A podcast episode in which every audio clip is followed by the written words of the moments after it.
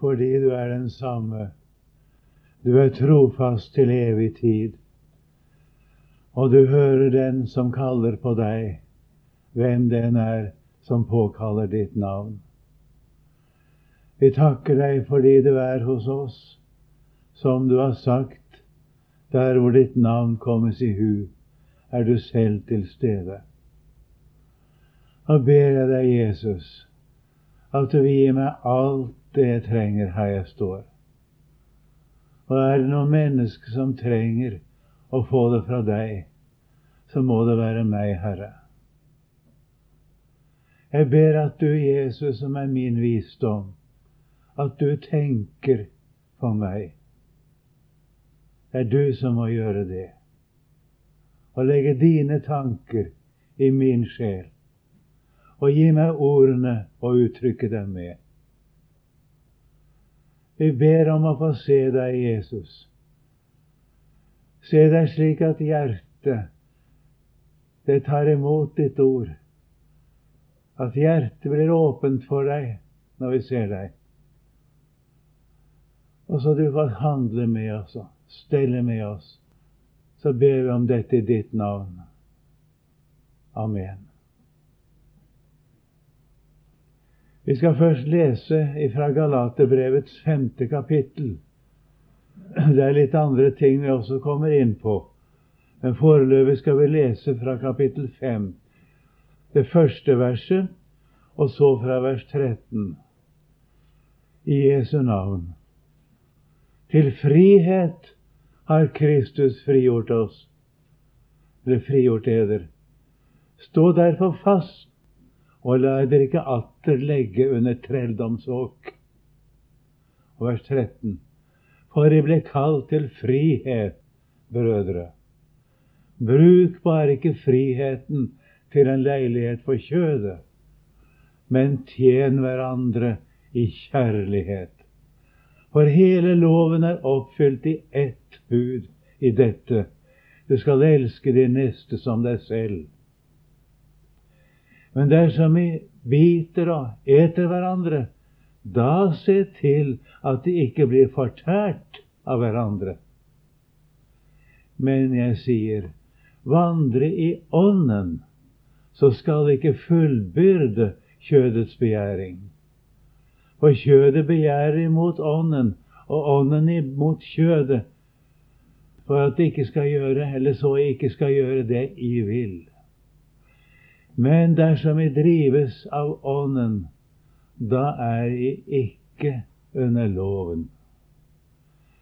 Men kjødets gjerninger er åpenbare, så som utukt, urenhet, skamløshet, avgudsdyrkelse, trolldom, fiendskap, kiv, avvind, vrede, stridigheter, tvedrakt, partier, misunnelse, mord, drikk, svir og annet slikt.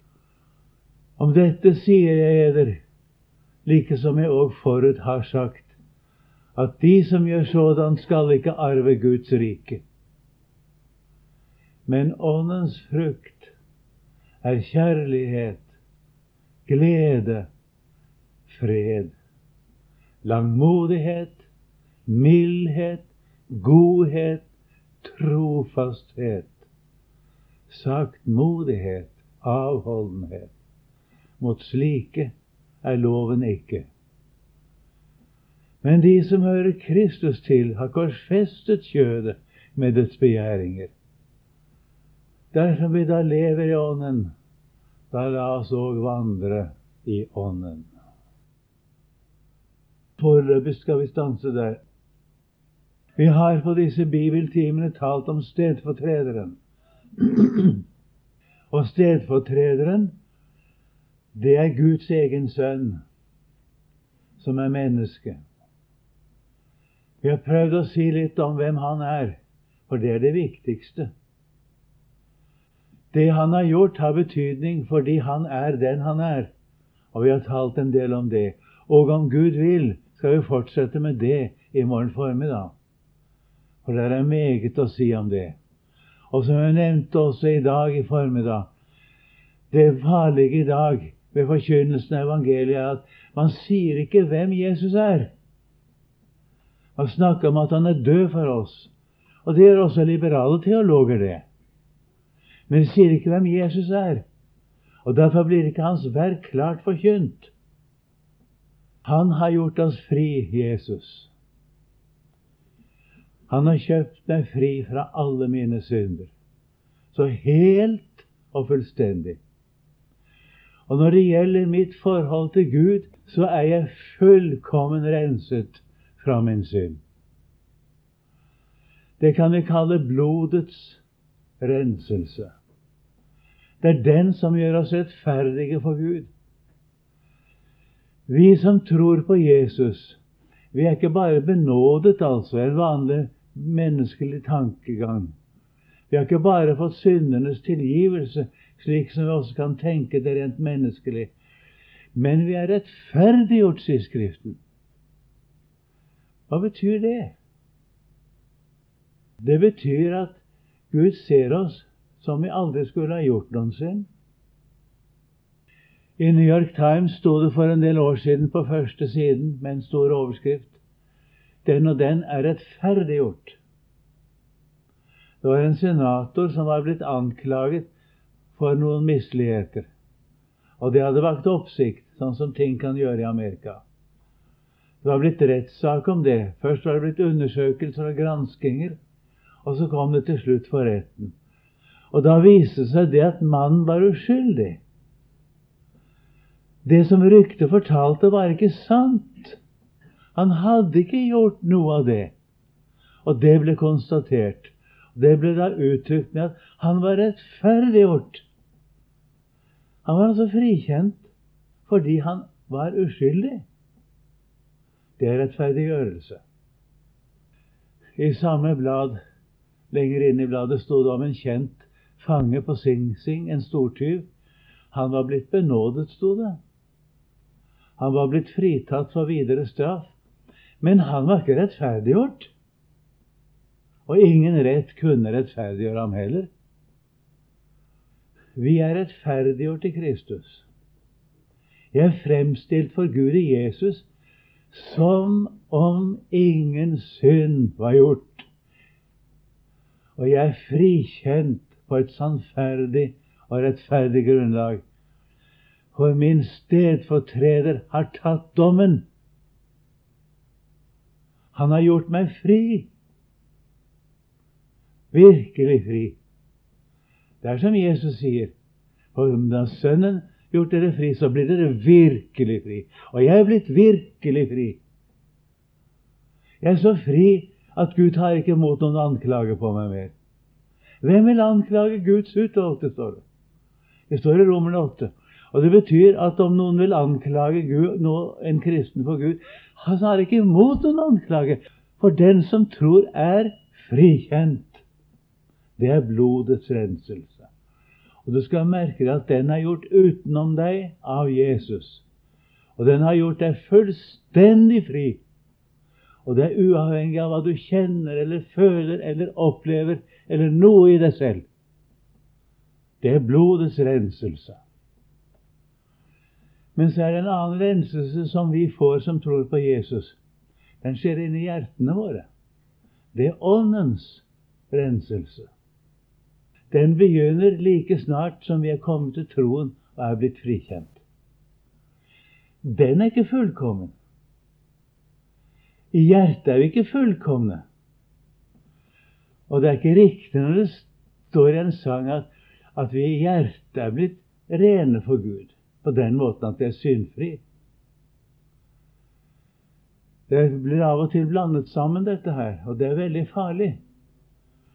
Og Det er dette vi nå skal prøve å se litt nærmere på. Du må lære å skjelne mellom blodets renselse og åndens renselse.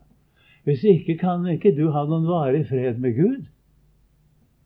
Du mister fred i det øyeblikk du står anklaget i din samvittighet, hvis ikke du skjelner riktig her. Og dessuten en annen ting. Du kan ikke oppleve noen virkelig helliggjørelse heller hvis ikke du lærer å skjelne her. Og det er dette som apostelen er inne på i Galaterbrevet. Først gjør han i Galaterbrevet rede for at i Jesus er vi fullstendig fri. Det er ikke noe igjen som skal gjøres. I mitt forhold til Gud er jeg fullstendig fri. Og der er jeg som det verken fantes ett eller ti bud, sier Luther. For alle bud er oppfylt for meg når det gjelder mitt forhold til Gud. Ikke av min egen person, men av min stedfortreder. Han har gjort det. Men han har gjort det i mitt sted og på mine vegne, og det er mitt, altså, ved troen på ham. Alle, det står i Galaterne 3, der, alle er jo Guds barn ved troen på Kristus Jesus. Jeg hører gang på det sier jeg skjønner ikke åssen det er med meg nå, for nå, nå er det så mørkt igjen. Om det er mørkt i ditt hjerte, kan jeg ikke forandre på det at du er rettferdiggjort for Gud, kan du skjønne. Du ser ikke på Jesus. Og det gjør din frimodighet avhengig av hva du føler. Og det skal jeg si deg, det er ingenting annet enn å vise mistillit til Guds ord. Og hvorfor gjør du det? Og hvorfor klager du over at du har det så vondt og mørkt, når du ikke ser på Jesus? Hvorfor vil du klage over at du stadig er sulten hvis du ikke vil spise? Kan du si meg det? Du kan ikke klage over at du har det mørkt, når du stadig vender blikket inn på deg selv, og du stadig kjenner etter hvordan du har det inni deg selv. Og Det er her apostelen kommer og sier til frihet har Kristus frigjort oss. Stå derfor fast.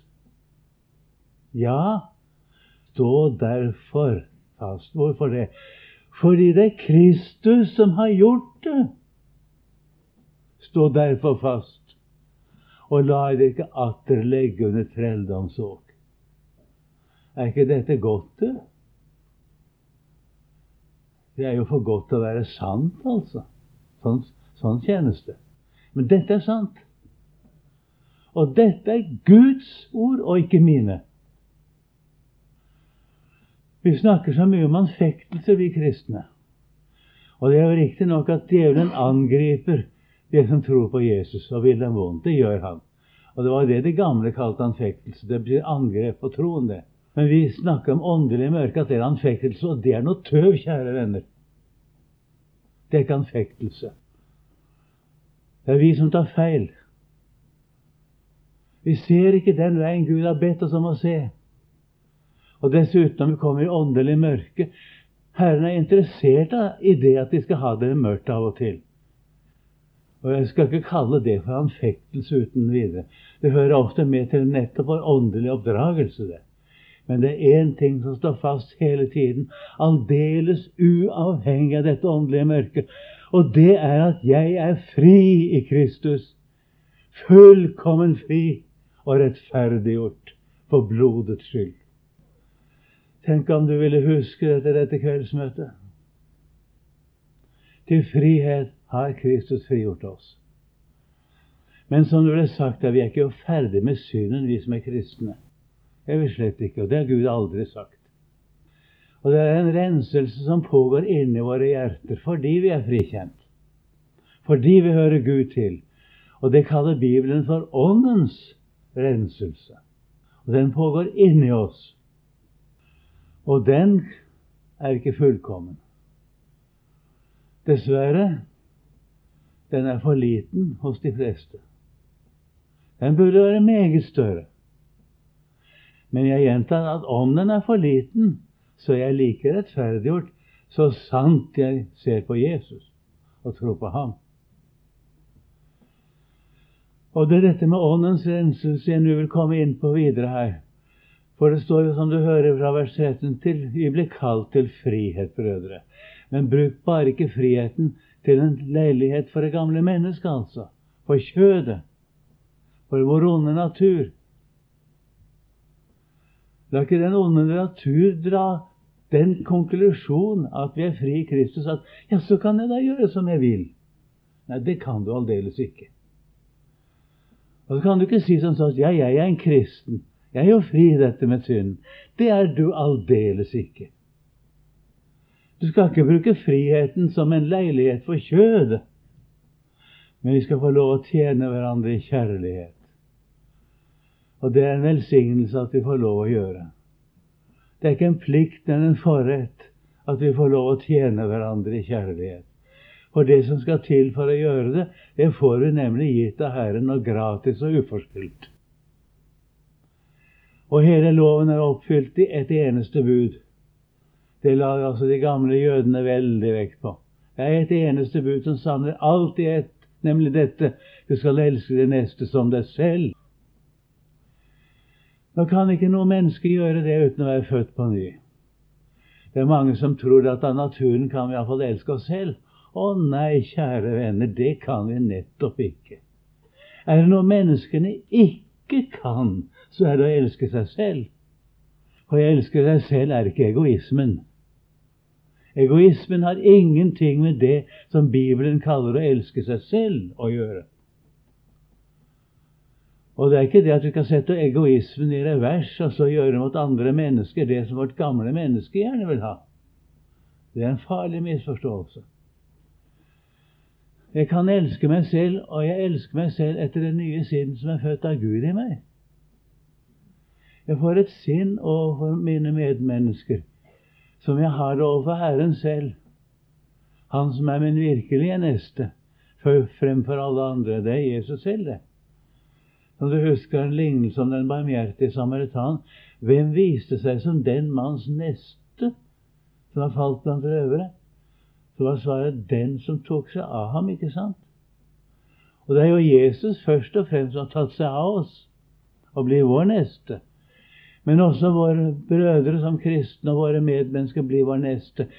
Og jeg har fått et sinn som er slik at jeg har trang til å gjøre godt mot dem. Den trangen er født av Guden. Og jeg kan elske meg selv etter dette sinnet. Det har altså ikke noe med egoismen å gjøre.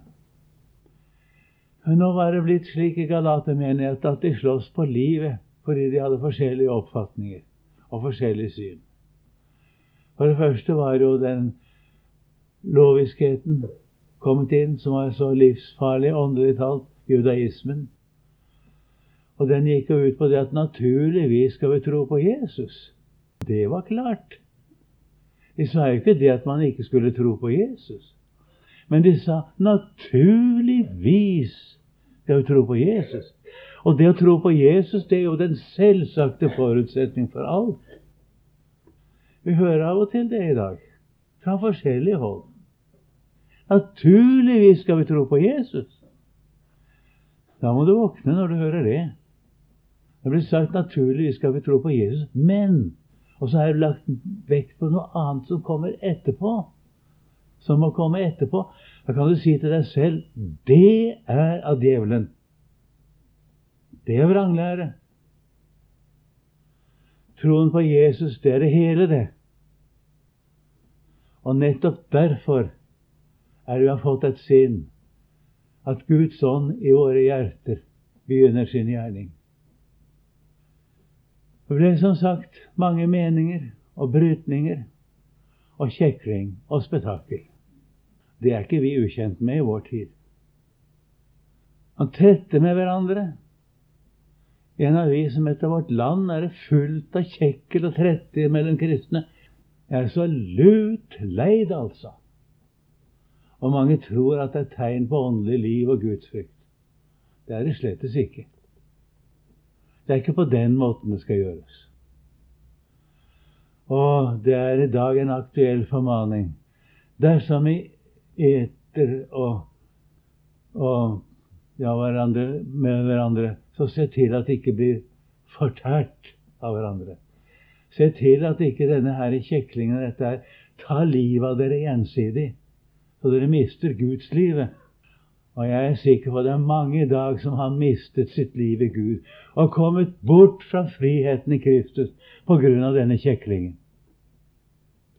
Det er farlig å støte folk fra seg fordi de har andre meninger enn de har selv, når de allikevel er kristne mennesker.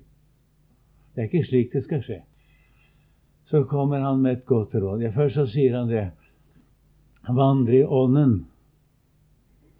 Så kommer dere ikke til, står det nøyaktig, å fullføre, fullbyrde, den begjæringen som det gamle mennesket har. Det betyr at hvis du vandrer i Ånden, så kommer den begjæringen som det gamle mennesket har, ikke til å nå sitt mål. For kjødet, står det, det begjærer imot ånden, og ånden imot kjødet. Og de står hverandre imot. Jeg leste litt feil der, dessverre. Forfjamselsen, holdt jeg på å si. Vi står hverandre imot, så ikke skal gjøre det I vil. Det er to naturer i en kristen. Er du klar over det? Vi har en medfødt natur som Bibelen kaller kjødet, og som ikke bør kalles noe annet. Den nye bibeloversettelsen har forkastet det ordet, og det er synd. Og det strider mot Guds ord at det ordet ikke er kommet inn i den nye bibeloversettelsen. Kjødet er sete for det gamle mennesket. Det er sete for den onde lyst. Men det er ikke uten videre identisk med den onde lyst. Men det har jeg ikke tid til å innlate meg med forklaringer på her nå. Jeg vil bare ha sagt at du som forkynner Guds ord og bruker den nye bibeloversettelsen, gjør stor synd. Og det forferder meg at mange av våre forkynnere gjør det. Jeg må ha sagt det, altså. Det heter kjødet, det gamle mennesket. Den har vi. Det vår medfødte natur. Den er gudfiendtlig.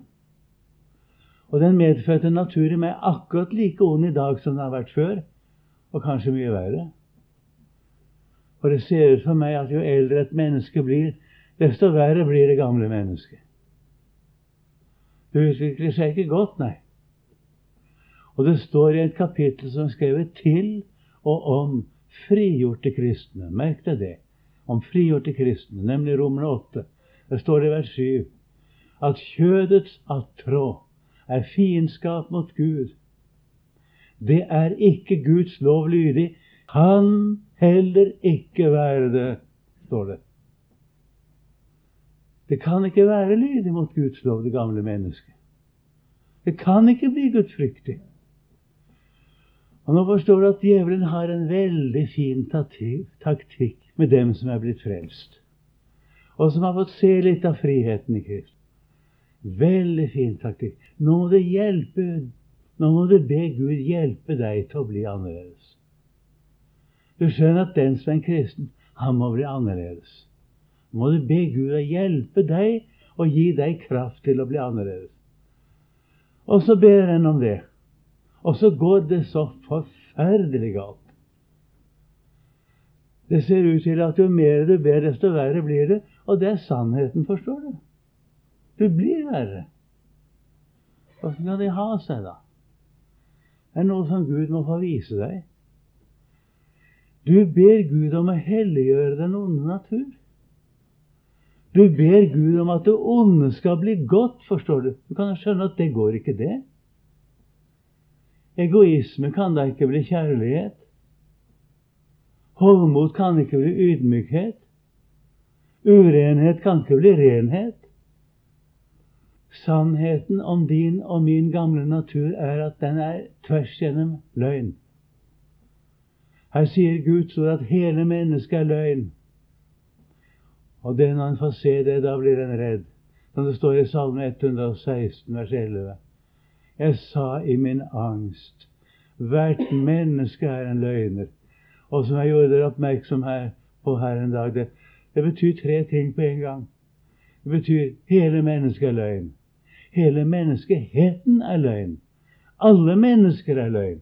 Alt det betyr det uttrykket. Ja, en kan bli angst når en ser det, og det skal jeg si at jeg har vært. Og det er jeg også når jeg ser meg selv. Det er ikke sannhet i det gamle mennesket. Du kan ikke be om Gud om at det gamle mennesket skal bli sannferdig. Du kan ikke be Gud om å gjøre det onde godt. I mine unge dager hadde vi en predikant som het Johannes Dåsvann. Jeg satt og hørte han, Og da åpenbarte Jesus og meg for første gang at det var to naturer i meg. Jeg hadde hørt det.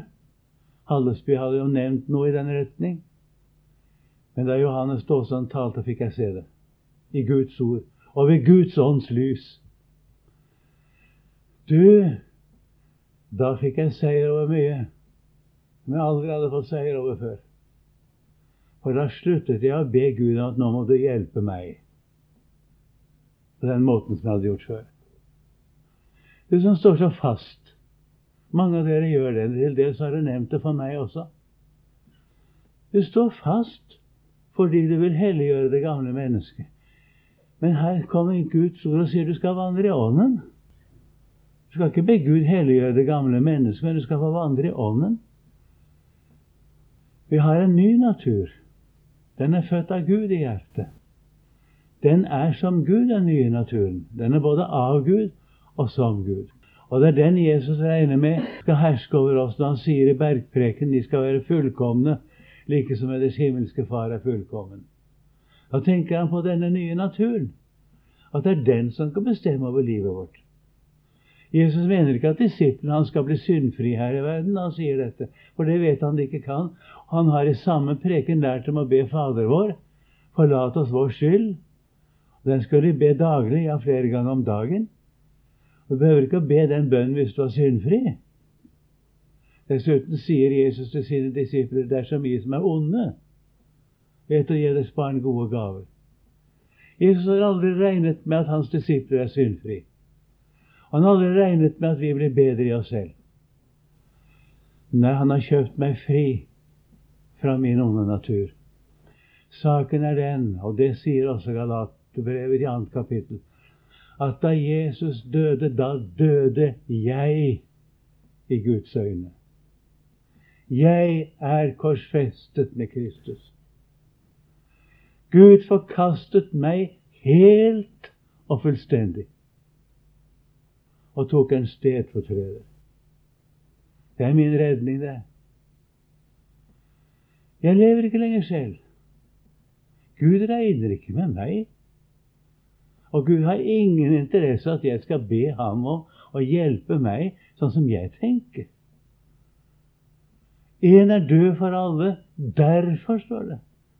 Derfor er de alle døde. Og dere husker at på en sommerskole på Nærbø for mange år siden, og for en så ikke så mange år siden, så fortalte han den engelske mannen som møtte en tysker på gaten. Da den tysk-franske krig brøt ut i 1870, ble alle tyskere omkring i verden kalt hjem til Tyskland for å sendes til fronten.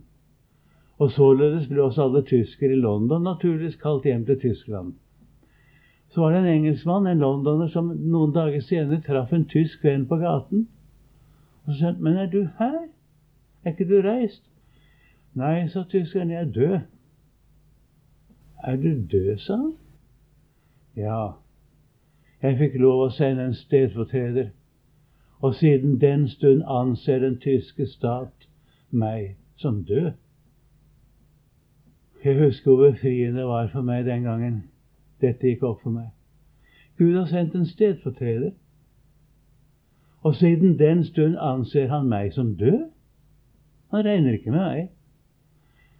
Og så ber han meg om å gjøre det samme. Du kan bare se Romerne 6. Først står det 'vårt gamle menneske ble korsfestet med ham'. Da Jesus døde, ble det gamle mennesket korsfestet med ham for at syndelegemet skulle bli til intet. Det betyr ikke fjernet, men bli uvirksomt, bli maktesløst så vi ikke lenger skal tjene synden. Den er der, men den skal ikke ha makt over oss. Vi skal ikke tjene den. Så står det i vers 11, så Romerne 6, 11.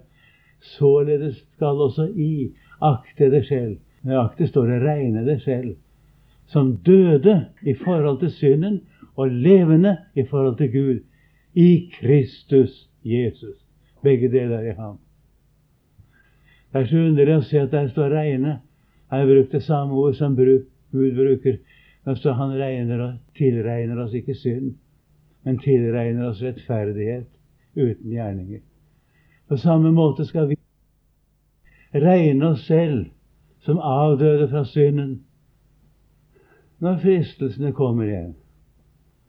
Når du f.eks. våkner, som jeg var så plaget av mange ganger, våkner om morgenen treg og kold og død, ulyst til å be, ulyst til Bibelen og lyst til masse ondt, Da skulle jeg ha Gud til å hjelpe meg da, vet du, å bli kvitt dette her. Det gikk ikke. Og så skal Gud ta hjelpe meg å bli annerledes. Det gikk ikke. Men så fikk jeg se at jeg var jo kjøpt fri fra meg selv. Så sa jeg til Jesus, jeg takker deg, Jesus, at det som jeg kjenner og føler og er i meg selv nå, det er jeg avdød fra i deg. Og jeg husker særlig første gang det riktig gikk opp for meg. Og mitt hjerte ble fylt med jubel, altså, midt i elendigheten. Og plutselig ble det som det ikke fantes noe gammelt menneske i meg. Og Jesus var så nær. Nå går det ikke alltid så greit som det høres når jeg sier dette nå. Men hvis du, når fristelsene dukker opp, sier til deg selv, som det står i begynnelsen av kapittel 6 Vi som er avdød fra synden, hvorledes skulle vi ennå leve i den? Jeg skal garantere at de gamle får ikke noe tak. Det gamle mennesket greier seg godt hvis du skal kjempe mot det. Og da ble det som Brandtzæg sa til meg en morgen vi gikk oppover til fjellet. Og du, sa han, hvordan går det når du skal kjempe mot det gamle mennesket? Jeg svarte ikke, jeg, for jeg visste han ville svare selv. Det blir som når du slåss med feieren, det, sa han. Da blir det svart. Ja, og nettopp det. Har ikke du prøvd å slåss med det gamle mennesket? Jeg kan garantere deg at det er svart. Hvor skal du slåss med det gamle mennesket? Jesus har kjøpt deg fri fra det. Du skal regne deg som avdød fra det gamle mennesket. Og skal du regne deg som levende for Gud i Jesus, da vandrer du i ånden. Og da er fristelsen nok deg, men de når ikke sitt mål i deg. De fullfører ikke sin gjerning i deg de gamle fristelser. Har du prøvd dette, du? Dette hører med til åndens renselse. Den er som sagt ikke fullkommen, men den er der. Men blodets renselse, min rettferdighet for Gud, den er fullkommen. Hele tiden. Nå gir altså Skriften oss noen eksempler her på det gamle menneskets gjerninger. Merk dere, det står kjødets gjerninger, men det kalles åndens frukt. Gjerningene kommer fra oss selv. Frukten kommer ved Den hellige ånd. Det er utukt, urenhet og skamløshet. Jeg behøver vel ikke spesifisere dette, her, dere skjønner hva det dreier seg om. Forskjellige slags synd i seksuallivet. Og mange kaller skamløsheten for naturisme. Og det er selvfølgelig ikke synd, sier de. Jo, Bibelen kaller det synd. Gud kaller det synd. Og det som Gud kaller synd, det er synd, om intet menneske vil kalle det så. Og så har vi avgudsdyrkelse og trolldom. Har vi det, da? Jeg hørte sist i går både avgudsdyrkelse og trolldom. Det ble nemlig presisert i går morges i NRK. Det var fredag den 13. i går. Det er en farlig dag. Jeg har hørt noe sånt tøv. Og det skal kristne mennesker også tenke på. Og så har jeg noe som heter å lese sin skjebne i stjernene i noen ukeblad. Jeg vet ikke hva det går ut for, jeg er ikke interessert i det. Men det er trolldom, det. Leser du det? Tror du på det? Det er synd på deg hvis du gjør det. Det er synd. Og så har vi kiv, da, vet du. Man kives. Man skal absolutt hevde sin mening. Som om det skal være så skrekkelig viktig å få andre til å forstå at det er så viktig, det jeg sier. Er det så forferdelig om å gjøre det, da? Det er jo selvhevdelse. Og det er jo noe som hører til selve syndens vesen og art, det, å hevde seg selv. Det er noe djevelskap. kiv, og så er det avvind. At en ikke kan tåle at andre har det godt. Og så er det vrede. Og så stridigheter, da. Og tvedrakt, det betyr at en volder splittelse. Det er kristne mennesker som gjør det. De godtar ikke at andre har et annet syn enn de selv. Og volder splittelse. Vil ikke ha dem med i arbeidet. Nei, jeg stoler ikke på dem, for de mener ikke riktig det samme som meg. Er det noen grunn, da? Så sant det er mennesker som tror på Jesus, altså, og holder seg til Guds ord. Og så er det partier. Og glem ikke, kjære venn, at partier, sier Gud, hører med til kjødets gjerninger. La oss ikke glemme det. Og så har vi stridigheter.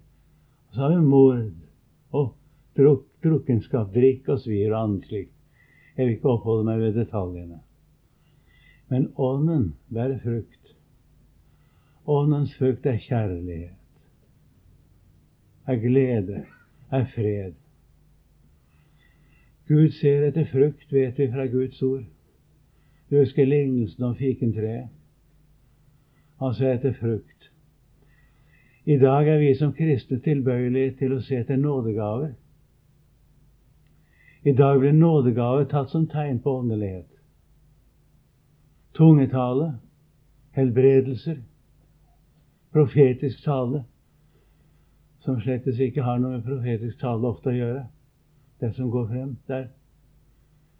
Andre nådegaver. Nå vet vi fra 1. Korinterbrevs kapittel 12 at de virkelige nådegaver virkes av Guds ånd. Ånden gir til hver især ettersom Han vil, står det. En gir visdomstale ved Ånden. Visdomstale, det er slik som det Efeserbrevet f.eks. taler om. At vi er utvalgt i Kristus før verdens grunnvoll ble lagt. At Gud i sitt evige råd har utvalgt oss til barnekår og seg og sånt hører med til visdomstalen. Og så er det kunnskapstale ved Guds ånd og meget annet. Og så videre. Jeg skal ikke spesifisere dette med nådegavene nå. Det vil føre for langt. Men jeg bare understreker at nådegaven er jo gitt av Guds ånd. Og dette legger menneskene veldig vekt på. Så bedømmer de oss åndelig efter nådegaver. Der er vi i stor fare. Gud bedømmer etter frukt. Vi har et alvorlig ord av Jesus. Det er Matteus 7 i bergprekenen. Ikke enhver som sier til meg, Herre, Herre, skal komme inn i himlenes rike, men den som gjør min himmelske Fars vilje. Og det å gjøre Guds vilje, det er først og fremst å tro på Jesus, det regne Jesus for den som han er. Og det er også å vandre i Ånden. Det er å gjøre Guds vilje. Det vi snakker om nå. Mange, sier Jesus, skal si til meg på hin dag, Herre, Herre, har vi ikke talt profetisk ved ditt navn? Drevet ut onde ånder ved ditt navn? Gjort kraftige gjerninger ved ditt navn? Og da skal jeg vitne for dem, jeg har aldri kjent dere. Vik bort fra meg, som gjorde urett. Det er mennesker som tydeligvis har fått mange ting fra Gud, og de har tro på Jesu navn, og Gud bruker dem. Og det skjer store ting menneskelig sett ved dem. Og mange blir også hjulpet ved dem, utvilsomt. Men Jesus sier de gjorde urett, og at de aldri har vært kristne. For å være en kristen er å kjenne Jesus og å være kjent av ham. Det har vi hans klare ord for. Og det hadde de aldri hatt. Og de gjorde urett. Gud hadde ikke kalt dem til dette her. Selv om de gjorde det ved Jesu navn, og Jesu navnet beholder sin kraft. Og Det er ikke slik som mange sier, at Gud har vedkjent seg deres arbeide. alt må hadde være riktig. Han har ikke vedkjent seg deres arbeid, nei, men han har brukt dem. Og Gud bruker alt. Du ser hvor farlig det er å ta dette som kjennetegn. Men Gud ser etter frukt. Og der vil jeg lese første Korinterbrev, kapittel 13. Om jeg taler med menneskers og englers tunger, men ikke av kjærlighet, da er jeg en lydende malm eller en klingende bjelle. Og hør nå, om jeg eier profetisk gave og kjenner alle hemmeligheter og all kunnskap, og har all tro så jeg kan flytte fjell. Det er ikke småting, det, du. Om jeg har profetisk gave og kjenner alle hemmeligheter og all kunnskap og har all tro så jeg kan flytte fjell. Og det kan et menneske ikke ha uten at Guds ånd har gitt ham det. Men om jeg har det, men ikke har kjærlighet, da er jeg intet. Du kan ha disse nådegavene, altså, og i rikt mål, og være ingenting. Dette må ikke vi glemme. Og om jeg gir til føde for fattige alt det jeg eier, og gir mitt legeme til å brennes, men ikke av kjærlighet, da gagner det meg ingenting. Gagner det meg intet. Kjærligheten er langmodig. Det betyr den tåler påkjenninger, den. Langmodig betyr lenge over tålmodighet. En tålmodighet som stadig stilles på prøve. Men kjærligheten er langmodig, er velvillig, ikke mistenksom. Og vi er så lett for å være mistenksomme i dag. Om noen sier ting på en annen måte enn vi gjør selv, så er mistenksommen ute og går. Men kjærligheten er velvillig. Kjærligheten bærer ikke av vind oppblåses den, og kjærligheten brammer ikke. Skryter ikke av seg selv, altså. Og oppblåses ikke. Den blir ikke håndmodig. Den gjør intet usømmelig. Den søker, søker, ikke sitt eget. Men ikke bitter. Gjemmer ikke onde. Den gleder seg ikke over urettferdighet, men gleder seg ved sannhet. Den utholder alt, tror alt, håper alt, tåler alt. Kjærligheten faller aldri bort. Men hva enten det er profetiske gaver, da skal de få ende. Eller det er tunger, da skal de opphøre. Eller en kunnskap, da skal den få ende. For vi skjønner stykkevis og taler profetisk stykkevis. Men når det fullkomne kommer, da skal det som er stykkevis få ende. Da jeg var barn, talte jeg som et barn, tenkte jeg som et barn, dømte jeg som et barn. Men da jeg ble mann, la jeg av det barnslige. For nå ser vi i et speil, i en gåte, men da skal vi se åsyn til åsyn. Nå skjønner jeg stykkevis. Nå kjenner jeg stykkevis. Men da skal jeg kjenne fullt ut, like som jeg også fullt ut er kjent. Men nå blir det stående, disse tre. Tro, håp og kjærlighet. Og størst iblant dem er kjærligheten. Er det noe som slår deg her denne kjærligheten? Du kan sette inn ordet Jesus der hvor den står. Jesus er langmodig. Jesus er velvillig. Jesus brammer ikke, oppblåses ikke. Jesus gjør ikke noe usømmelig. Søker ikke sitt eget. Blir ikke bitter. Gjemmer ikke på det. Og så videre. Han tåler alt, tror alt, håper alt, videre. Utholder alt. Han faller aldri bort. Ser du hva dette fører til? Åndens gjerning i våre hjerter går ut på at Jesus selv, med hans natur, kommer inn i oss. Det er Jesus i oss. som gjør Guds gjerning. Det er ikke at jeg, etter min, min natur, er blitt annerledes, men jeg blir annerledes ved at det er Jesus som bor i meg.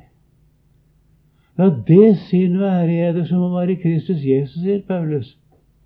Han er selv eksempel på at det er nettopp det som er tilfellet hos ham. Det er Jesus du møter i Paulus.